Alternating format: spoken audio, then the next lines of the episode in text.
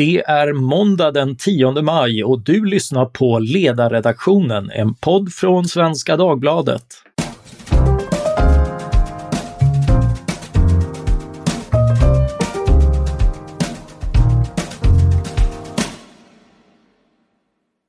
Jag heter Mattias Svensson och dagens ämne är privata inslag i den offentliga välfärden.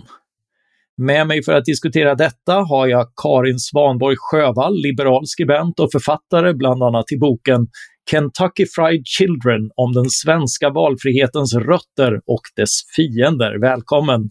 Tack så mycket! Samt Henrik Jordahl, professor i nationalekonomi vid Örebro universitet och även programchef vid Institutet för näringslivsforskning samt författare ihop med Mårten Blix till den nyutkomna boken Privatizing Welfare Services Lessons from the Swedish Experiment. En forskningssammanställning utgiven på Oxford University Press. Välkommen Henrik! Tackar! Ja, detta ämne, det stormar kring vårdföretaget Attendo som anklagas för att inte ha talat sanning om vilken vårdsäkerhet man erbjöd under pandemin och man har bett om en anställd som försökt påtala detta om ursäkt. Det är ju så vi ofta möter vårdföretagen i nyheterna i någon skandal. Eh, vi kan ju börja med det aktuella fallet. Vad, vad finns det att säga där? Ja, det är ju tragiskt det som har hänt förstås. Eh, sen då för mig som ekonom så är det svårt att uttala mig om i vilken utsträckning själva vården har brustit. Så, men det är förstås väldigt illa att företaget har farit med osanning här och eh, ja, verkar vara mer intresserade av att skrämma och tysta personalen än att ta tag i de här påtalade problemen med vården. Och eh, om man ska ta det lite vidare så kan man ju säga att det här fallet är ett tecken på ett underliggande problem i äldreomsorgen. Och bemanningen är väldigt låg i äldreomsorgen och ganska ansträngd på sina håll. Och faktiskt också lite lägre eh, bemanning på privata än på kommunala äldreboenden. Eh, historiskt i alla fall. Mm. Så jag tror efter pandemin att vi kan få se ett politiskt tryck på välfärdsreformer, kanske med krav på personalsidan. Ja, eh, nej det har ju inte varit så rolig läsning, det kan man inte säga. Man ska väl komma ihåg att jag tror att det är en fjärdedel av alla äldreboenden i Stockholm som inte klarade den här kortvården. Eh, så att de har inte varit ensamma om detta, även om det verkar finnas en del turer här som ju verkligen sticker ut. Jag är lite bränd efter Carema-skandalen med alla sådana här avslöjanden som rör arbetsplatskonflikter. Ehm, men givet den nästan japanska eh, ursäktande kavalkaden som har kommit från företaget de senaste dagarna så får man ju ändå utgå från att de här eh, problemen är, är korrekta eh, och hoppas att de gör sitt allra bästa för att eh, åtgärda dem. Men man ska fortfarande komma ihåg att som sagt många har misslyckats och trots detta så var faktiskt båda Attendo, i likhet med många av de övriga privata vårdgivarna i Stockholm, faktiskt först med att införa till exempel besöksförbud. Och överdödligheten totalt sett har ju varit lägre eh, bland de privata vårdgivarna än bland de offentliga. Mm, det är bra att veta. Just äldreomsorgen möter man ju ofta som nyhetsläsare i skandaler där äldre behandlats illa och där det ofta blir en infekterad politisk konflikt beroende på driftsform och särskilt om den är privat. Och det kan man ju förstå att sitter en ägare och lever flott på sin utdelning medan de boende inte får den omsorg de har rätt till så är det svårt att försvara. Eh, därför blev jag förvånad när jag hörde om er bok, Henrik, eftersom er slutsats var att eh, äldreomsorgen är ett av de områden där privatisering fungerat relativt bra. Vad är det som har blivit bättre för äldre och varför? Ja, det fungerar relativt bra, det, det, stämmer. Och till att börja med så är ju valfriheten som har kommit med de privata alternativen väldigt uppskattad. Det gäller ju både i äldreomsorgen och för ja, alla andra eh, välfärdstjänster. Så lagen om valfrihetssystem som har varit viktig i äldreomsorgen har gett ökad nöjdhet och framförallt med, med hemtjänsten kan man säga. Och konkurrens från privata äldreboenden har också lett till högre livslängd bland de äldre. Och samtidigt så har kommunernas kostnader gått ner något. Så det är en positiv då, produktivitetsökning som man säger som eh, ekonom. Mm. Eh, privata äldreboenden har liksom högre processkvalitet än kommunala. De anställda jobbar med ja, vissa bra processer som att man har mer regelbundna medicingenomgångar, rimligare tidsspann mellan kvällsmat och frukost. Däremot som jag sa har kommunala äldreboenden eh, högre personaltäthet som ju är ett tecken på hög kvalitet. Mm. Det, det, har blivit populärt att diskutera mellanchefer eh, och jag noterade i din bok att eh, de hade en större roll förut i äldreomsorgen, en roll som också kan förklara varför privata alternativ inte innebar den besparing som många av oss kanske föreställde sig skulle bli resultatet när effektivare privata företag blandades in. Kan du förklara lite om det? Ja, alltså, som jag sa, kostnaden har ändå gått ner lite, när i alla fall när kommunerna från början först eh, involverade privata utförare. Så att eh, man har fått en del eh, kostnadsfördelar här. Men sen så tycker jag det är intressant att se att eh, det är svårt att veta vad som förklarar skillnaden offentligt privat men att en sak som man kan framhålla är att privata äldreboenden tycks ha bättre kvalitet på styrning och ledning jämfört med kommunala äldreboenden. Och det handlar bland annat hur man då, ja, mellanchefer eller andra chefer, arbetar systematiskt med att lösa problem och förbättra verksamheten och att man engagerar hela personalen i det här arbetet och även engagerar de, eh, de boende. Men eh, det var också så att tidigare skedde det en, lite grann av en ransonering av offentliga tjänster eh, via de här eh, chefsbesluten när det bara var det offentliga som tillhandahöll det. Men att privata företag gärna ser till att, att människor faktiskt får sina tjänster därför att det är så de kan eh, maximera sina intäkter. Ja, det, det, kan man väl säga att, att i takt med att man har fått eh, fler privata utförare så Eh, kan man få ett kostnadstryck på totalen. Då. Alltså även, även om det blir billigare per eh, utförd tjänst så kan fler tjänster utföras helt enkelt för att ett privat företag kommer alltid vilja leverera varje så att säga, hemtjänsttimme då, till exempel som en, en äldre har eh, fått ett beslut att, att eh, han eller hon har rätt till. Eh, så, så, är det ju. Och det kan ju då leda till eh, kostnadsökningar. Vi har sett väldigt eh, skarpa eh, kostnadsökningar för personlig assistans av den här typen. Mm. men det blir också så att det är ju beslutade insatser som utförs i större utsträckning. Så det finns liksom en positiv sida av det också. Mm. Eh, Karin som har skrivit om historien när, eh, när vi fick eh, eh, privata alternativ på förskoleområdet så eh, det blev ju titeln på din bok Kentucky Fried Children som Olof Palme talade om. Fanns det mm. liknande farhågor för äldreomsorgen? Alltså det fanns ju så få alternativ eh, då. Alltså barnomsorgen var ju väldigt mycket av en pionjärsverksamhet, eh, får man säga, som röjde väg för, för väldigt mycket eh, utveckling på, på andra områden senare. Det jag tycker är, är intressant med, med välfärdsdebatten är att den går så mycket i cirklar. Um, jag gissar att ni kanske har hört talas om det här begreppet, the nirvana fallacy. Nej, och alla lyssnare har det kanske inte heller, så det får du gärna förklara.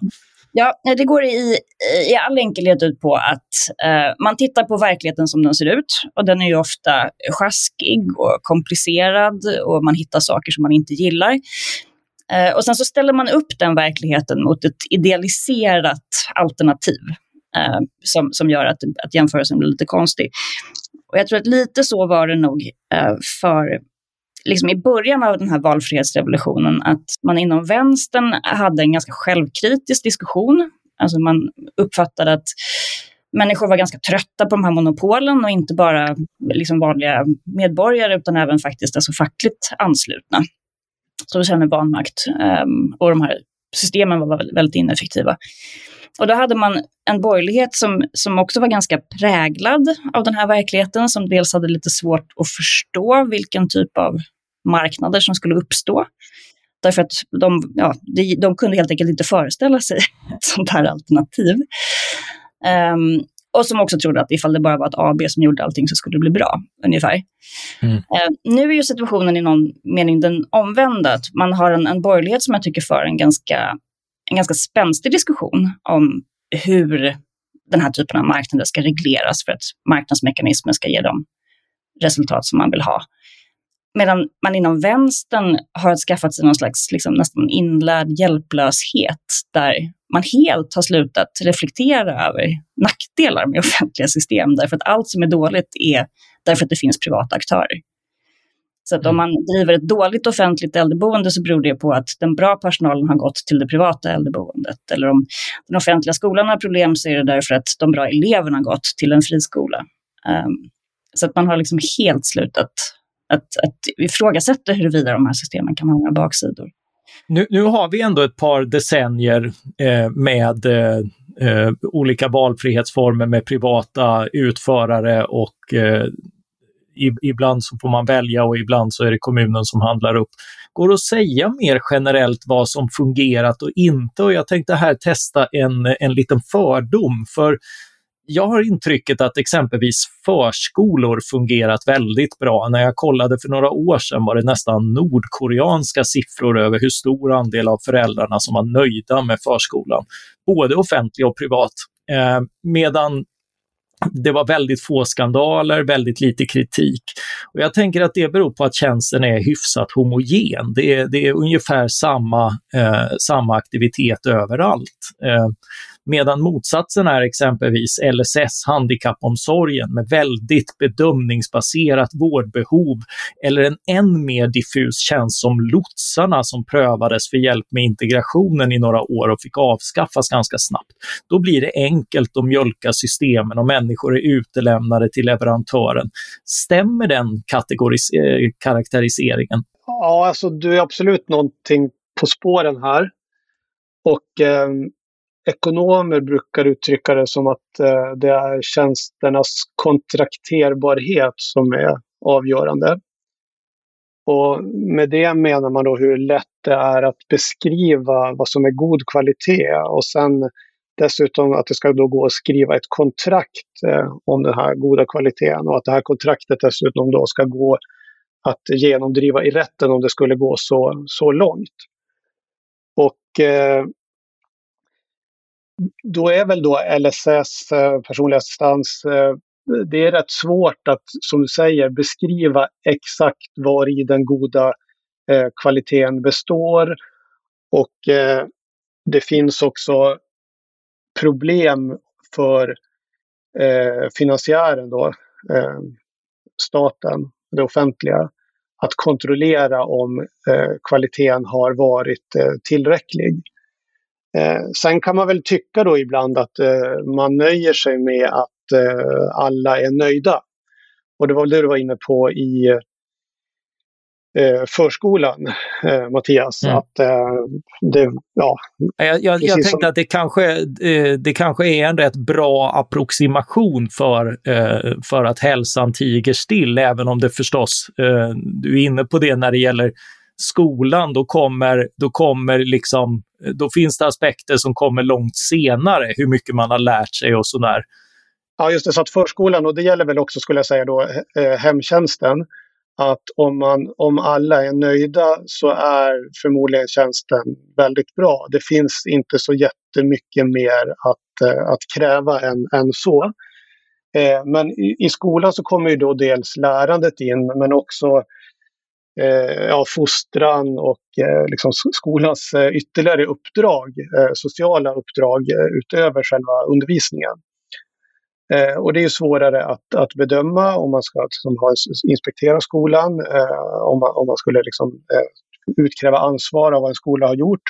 Men också i skolvalet så är det ju svårt därför att nyttan av en god utbildning kommer ju långt senare i livet.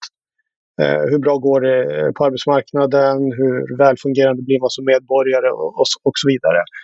Och, och det, det, är information som man inte riktigt har eh, när man väljer skola. Så att då får man som, eh, titta på signaler av det. Vad har skolan för rykte? Vad säger andra föräldrar och, och sådär. Men, men, men, det är ju väldigt liksom, imperfekt information. Och som man dessutom kan följa upp först i det egna fallet långt senare. Mm. Det är bra att vi eh, kommer in på skola. Jag hade precis eh, tänkt gå över till det. En term som blivit populär på senare tid är marknadsskola. Hur mycket marknad är det i svensk skola av idag? Ja, det beror väl lite på vad man tittar på. Alltså om man tittar på andelen som elever som, som går i en, i en friskola så är ju den hög, inte minst i storstäderna, um, där på en del håll faktiskt är en majoritet av alla elever. Eh, och, och, vårt system är ju världsunikt. Um, men, men det är ju inte en vanlig marknad. Uh, det faktum att vi inte har några skolavgifter exempelvis gör ju att den skiljer ut sig en hel del. Eh, det har varit mycket tal om att skolmarknaden är, att det liksom är vilda västern och att, att man får liksom göra vad man vill och sådär. Det är en bild som jag skulle vilja uh, ifrågasätta med viss kraft. Um, de som hade hoppats på mycket av innovation och sådär Eh, ska vara medvetna om att det här är extremt eh, reglerade verksamheter, eh, inte minst idag. Så vilka möjligheter som finns att erbjuda liksom alternativ som verkligen skiljer ut sig på många sätt är ju inte sådär jättestora. Inte juridiskt, men kanske inte heller kulturellt. Men jag bara titta på den här diskussionen om, om, om skoluniform för att inse hur, hur förtjusta människor i gemen är i, i så att säga, skolverksamheter eller så som skiljer sig från andra. Henrik, ni eh, använder termen kvasimarknader i er bok. Ja, alltså en kvasimarknad är en eh, speciell marknad och eh, då pratar man om att det finns tre parter på marknaden istället för två. På vanliga marknader så har man en köpare och en säljare och då är det köparen som själv betalar för tjänsten. På en kvasimarknad är det då en tredje part som betalar för tjänsten. Så här är det offentliga, skattebetalarna ytterst, som eh, betalar för vård, skola och omsorg. Och det är ju som Karin sa, det är inga elevavgifter alls i, i Sverige och det är väldigt låga avgifter i, i vård, och, eh, vård och omsorg. Och det skapar ju liksom problem därför att det måste vara eh, tre parter som är överens om att tjänsten är tillräckligt bra, kostar rimligt mycket eh, och så vidare. Så i, i, den här meningen så är ju då välfärdssektorn en, en marknad, en speciell marknad som ekonomer kallar eh, kvasimarknad och det är väldigt viktigt då att ersättningssystem och eh, eh, regelkontroller och uppföljningar fungerar eh, bra mm. och är liksom smart utformade. Jag missade ju själv möjligheten att välja skola, men jag måste säga att jag, jag, är rätt besviken på utfallet eftersom jag hade oerhört höga förväntningar. Lite grann som man förväntar sig med bilindustrin med, med nya modeller och kanske helt nya tekniker inom, eh, inom några år. Jag hade nog sett fram emot profilerade satsningar i pedagogik, kvalitet och engagemang som absolut finns på enstaka skolor, men inte alls är det generella intrycket av att skolor profilerar sig med. Tvärtom går går snacket bland mina barn om eh, låga krav och enkla sätt att få höga betyg. Det som efterfrågas av skolan är ofta inte nödvändigtvis lärdom och kunskaper utan höga betyg och rätt bekantskaper. Var jag naiv och hoppades på för mycket eller har jag fel om, om vad vi har fått? Nej, men att det finns avarter, det är ju ganska uppenbart och en, och en hel del av de avarterna har ju uppstått just därför att reformvården inte har varit tillräckligt bra. Alltså till exempel den här diskussionen om betygsinflation som är jätteviktig är ju faktiskt ett problem som man hade kunnat undvika. Ehm, just det här med att man har, att lärare rättar sina egna elever på nationella proven och sådär, uh, var ju egentligen inte raketforskning, att det kanske inte var, var jättebra eller att det krävdes liksom mycket bättre information för att man skulle kunna fatta informerade beslut och så. Um, Samtidigt som sagt så, så, tycker jag att om man lyssnar på hur debatten har förts de senaste åren så har ju klagomålen snarare varit just att man tycker att det har funnits för mycket variation. Eh, och det har ju också mötts av en politik där man har stramat upp det här en hel del och man styrs ju väldigt mycket av läroplaner och så vidare som ju också sätter en hel del naturliga begränsningar för, för vad man kan och inte kan göra. Ja, du var inne, inne på det lite grann, att det är ju en, en uh, verksamhet som är extremt reglerad av, uh, av det offentliga. Så, så att förvänta sig innovation kanske man inte Eh, kanske man inte ska, både för att det är svårt att ta in den typen av, av extra pengar som det kanske i vissa fall är, är frågan om och, och för att eh, det, inte finns, eh, det inte finns de möjligheterna rent, rent faktiskt eftersom det är en väldigt standardiserad tjänst. Ja, jag menar, en, en, en, total valfrihet vill vi kanske inte ha heller, alltså med tanke på att det handlar om myndighetsutövning. Uh, men, ja, om men, någon annan som betalar. Precis, om någon annan som betalar. Um, samtidigt som, som, som jag, jag kan tycka att det är lite tråkigt att ex, ett exempel på den variation som, som jag tror hade varit väldigt bra hade ju varit om man hade sett fler spetsskolor. Um, Alltså, det har ju alltid varit okej okay att vara duktig på idrott och sådär, men, men att ha skolor som, som kanske satsar liksom mer på så att säga, det akademiska. Men den typen av satsningar eller förslag har ju i regel mötts med argument mot av jämlikhetsskäl. Um, därför att man har tyckt att de här särbegåvade barnen, de ska lysa sitt ljus över de övriga medelmåttorna som vi andra. Nej, jag håller med. Alltså, likvärdighet lyfts ju alltid fram som ett väldigt viktigt värde i, i skolan. Och det är klart att det innebär ju att skolorna kan inte vara hur olika eh, som helst. Sen är det väl också viktigt det här att man eh, kan, får ju inte ta betalt för högre kvalitet. Eh, eller ta mer betalt för högre kvalitet. Och det stoppar ju också skolor för att pröva som nya om, eh, sätt att lära ut om de sätten är dyrare och föräldrarna skulle vara tvungna att och, och betala för det. Och det verkar inte vara politiskt efterfrågat i Sverige, men man ska ju komma ihåg att det ser ut så. Sen är väl också frågan vad man jämför med egentligen. För att om vi, man pratar nu dagens marknadsskola och friskolesystemet, men om vi hade haft kvar en gammal helt eh, kommunal eller typ, till och med helt statlig skola så hade det väl varit förmodligen ännu mindre variation och ännu mindre eh, innovation i den. Så att det lilla som vi har fått är väl ändå någonting som vi hade fått vara utan eh, om, om vi inte hade haft då så kallad marknadsskola. Eh, ja.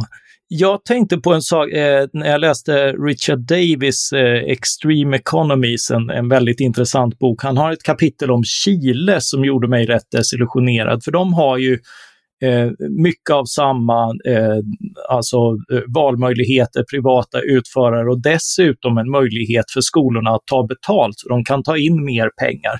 Men enligt Davis i alla fall, och han verkar rätt vederhäftig, är det man har fått inte alls en tävlan om uh, kunskaper och lärdom, utan, utan snarare en, en segregering därför att det som folk verkar efterfråga är rätt sociologiskt sällskap. Man vill ha rätt bekantskaper på vägen och det har skapat en ganska stor eh, segmentering och likriktning för, i, i socioekonomiskt hänseende snarare än liksom en en smältdegel av, av talanger på olika nivåer som sporrar varandra till lärande. Ja, nu kan jag tyvärr inte uttala mig om just fallet Chile med, med, med några större insikter, men jag tror att det här kan illustrera en väldigt viktig eh, brist i, i många skolsystem och, och eh, framförallt det eh, svenska. Då. Och det är att vi har väldigt dåliga mått på skolkvalitet. Eh, det är väldigt svårt som förälder eller elev att, att veta hur mycket man gynnas av att gå på en, en viss skola. Så hur bra kommer det gå för mig på skola A? Hur bra hade det istället gått för mig om jag hade gått på, på skola B? Eh, och då skulle det vara väldigt värdefullt att ha så kallade förädlingsvärden för olika skolor där man har dem eh, statistiskt eh, räknat ut hur genomsnittseleven presterar eh, på grund av att den går på olika skolor. Eh, när sådana mått saknas då får man så att säga gå på den information som finns. Och eh, vi, vi vet ju då att eh, elever med, från liksom stark social bakgrund eh, får högre betyg i genomsnitt eh, överallt i världen än elever från svagare bakgrunder. Så när man då säger att elever vill hamna med andra från eh, stark social bakgrund så kan det vara ett sätt, det enda sätt man har att komma åt hur hög kvalitet undervisningen faktiskt eh, håller. Så det här är delvis, tror jag, ett, ett informationsproblem. Mm. Där det är väldigt viktigt att mäta men också få ut den här informationen om vilken kvalitet undervisningen eh, faktiskt håller. Jag tänkte gå in på det här. Du Henrik, ni bygger en del av argumentationen i, i er bok på att PISA-resultaten förvisso först gått ner under 90 och 00-talet men sen hämtar sig något på senare år. Nu har ju underlaget för denna slutsats ifrågasatts sedan eh, de senaste mätningarna granskats. Är det ett problem för resonemangen i er bok? Eh, ja, alltså det är väl inte, nu är det ju ingen bärande tes i, i vår bok som så att säga handlar om, om just PISA-undersökningarna i och för sig. Men, eh, ja, nej, men det är väl mer osäkert hur man ska se på PISA-undersökningarna idag. De, eh, svenska elever presterade ju bättre eh, redan i, i PISA-undersökningen som föregick den som diskuteras nu i och för sig. Sen så, eh, jag har inte grävt ner mig i detalj på det här, men det verkar ju ändå som att det inte är några dramatiska förändringar i eh, resultatutvecklingen i Sverige beroende på de här exkluderingarna. Till exempel så har det ju, ser vi en uppgång för så etniskt svenska elever, alltså elever med två svenska föräldrar. Eh, förbättrade ju sina resultat i, i PISA och diskussionen har ju varit väldigt mycket om man har exkluderat för många elever med eh, invandrarbakgrund. Sen ska det ju till, om man pratar liksom att, att ja, det ska ju vara extrema skillnader mellan de man exkluderar och inte för att man ska vända eh, trenden helt och hållet. Och sen ska man också komma ihåg att eh, elever exkluderas ju i andra länder också och har eh, tidigare haft eh, väl så högt bortfall som vi har haft i, i Sverige. Mm.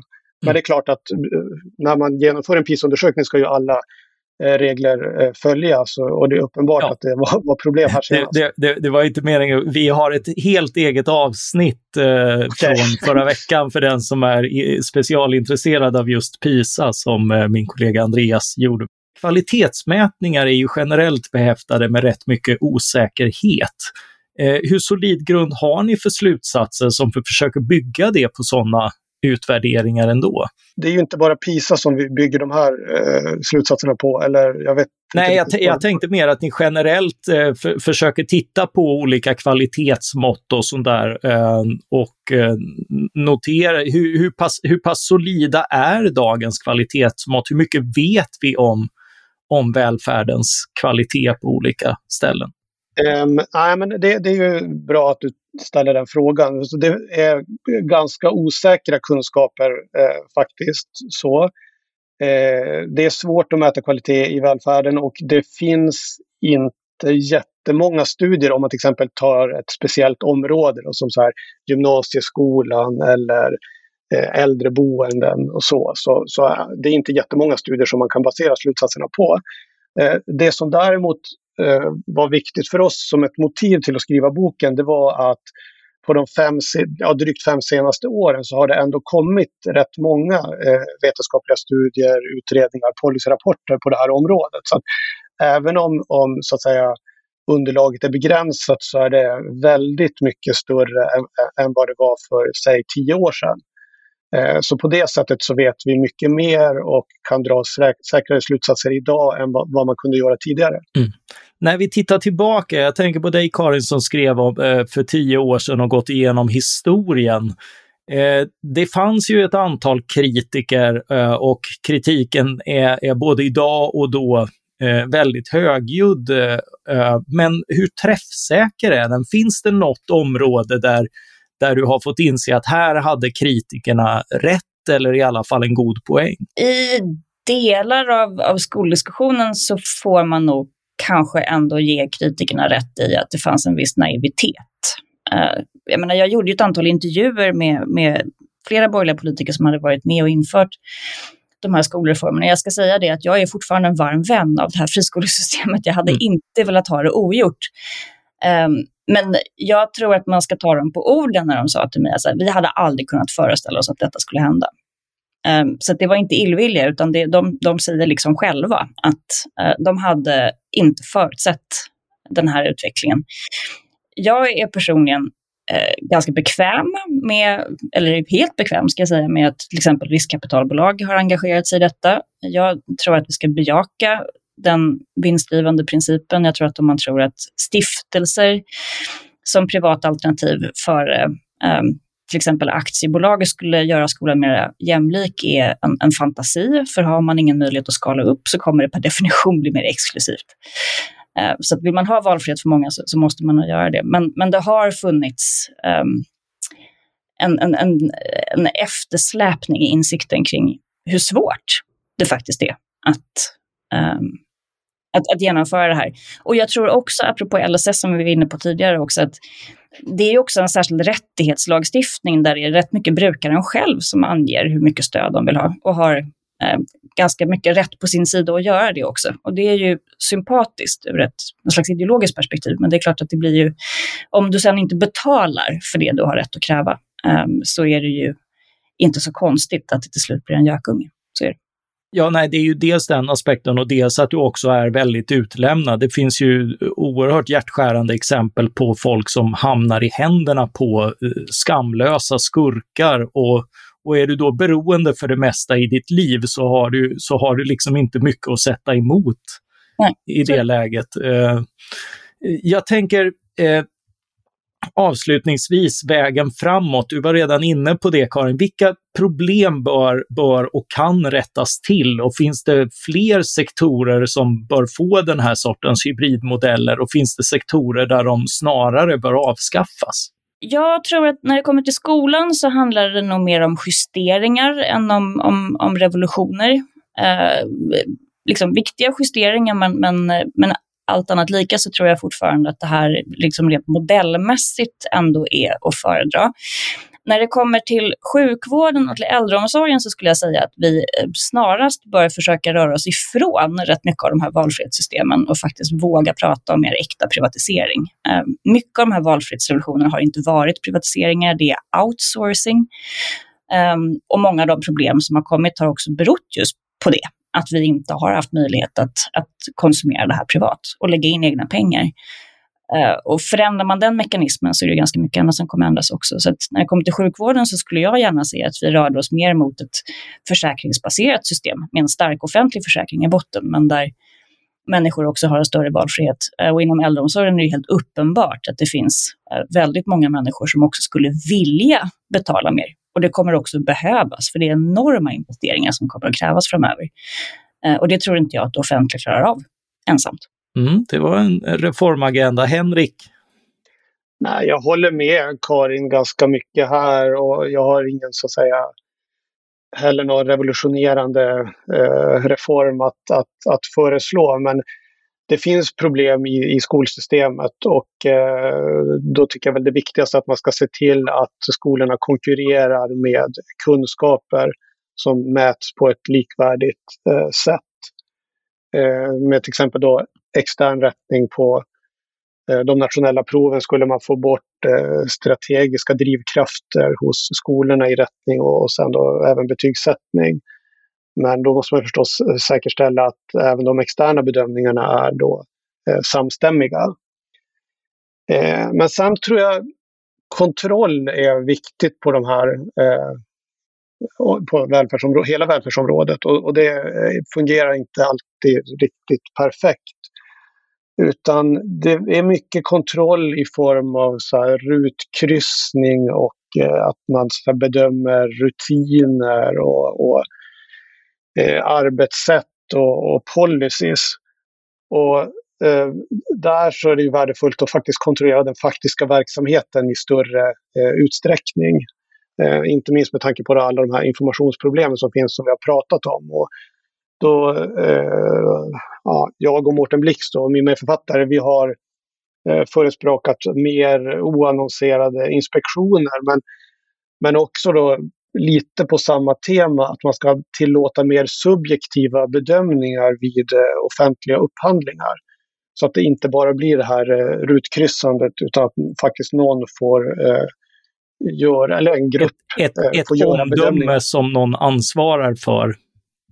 Ja, just det. Jag kan likna det lite grann som forskare så alla, hela forskarvärlden är överens om vad som är god kvalitet. Men liksom börjar man peta på vad det faktiskt är så handlar det om att forskare bedömer andra forskare och hur bra deras forskning är. Och det är ju subjektivt, men det är inte godtyckligt och det, det måste gå att motivera. Alltså, och, och, det skulle man kunna göra här och öka inslag av det här också, att man får bedöma hur bra har ett äldreboende bedrivit verksamheten och sen ta in de bedömningarna när kontraktet ska förnyas eller en ny upphandling ska, eh, ska göras. Jag vet inte exakt hur det här ska eh, komma till stånd, men jag, jag, tror att här ser vi stora brister i hur eh, kontrakten tilldelas. Mm, det är kanske någonting vi kommer att, eh, ja, det, det, det, är väl, det är väl liksom lite grann squaring the circle att uh, det, det, kommer att behövas olika mått och, och, varje mått som man går in med kommer, kommer att leda till en anpassning som leder till eh, nya behov och sådär. Men Ja, just det. Så då blir den här övergripande bedömningen att så att säga hur, hur bra var det här egentligen i grunden, den, den är omistlig. Ja. Eh, sen bara slutligen så, eh, ja, precis som, som Karin sa så det saknas resurser i välfärdssektorn och eh, så att hitta eh, sätt där man kan få betala själv eh, på ett sätt som då är politiskt acceptabelt i Sverige, det, det tror jag kommer bli eh, Eh, väldigt viktigt. Och när man betalar själv får man ju också en tydligare och mer direkt signal om vad som är efterfrågat. Och man kan också få mer innovationer för att man eh, ja, erbjuder nya tjänster eller en tjänst på ett nytt sätt och tar lite mer betalt för det. Mm. Finns det någon friare marknad där det offentliga borde kliva in och erbjuda den här sortens hybrider istället? En, en standardiserad frukostpeng istället för att folk är utlämnade till profithungriga butiker för sitt morgonmål som de måste köpa för egna pengar eller något annat? Jag måste erkänna att jag kommer inte på någon sån eh, marknad faktiskt alls. Ja, nej, jag, jag tänkte som en, eh, som en liten eh, eh, av, avslutande, kanske retorisk fråga som ändå indikerar att eh, trots eh, förtalandet av, eh, eh av marknadsinslagen så är det ändå eh, snarare mer av det som, som man kanske vill ha. Då missuppfattade jag din fråga. Jag trodde du menade så här, är det någonting som behöver socialiseras?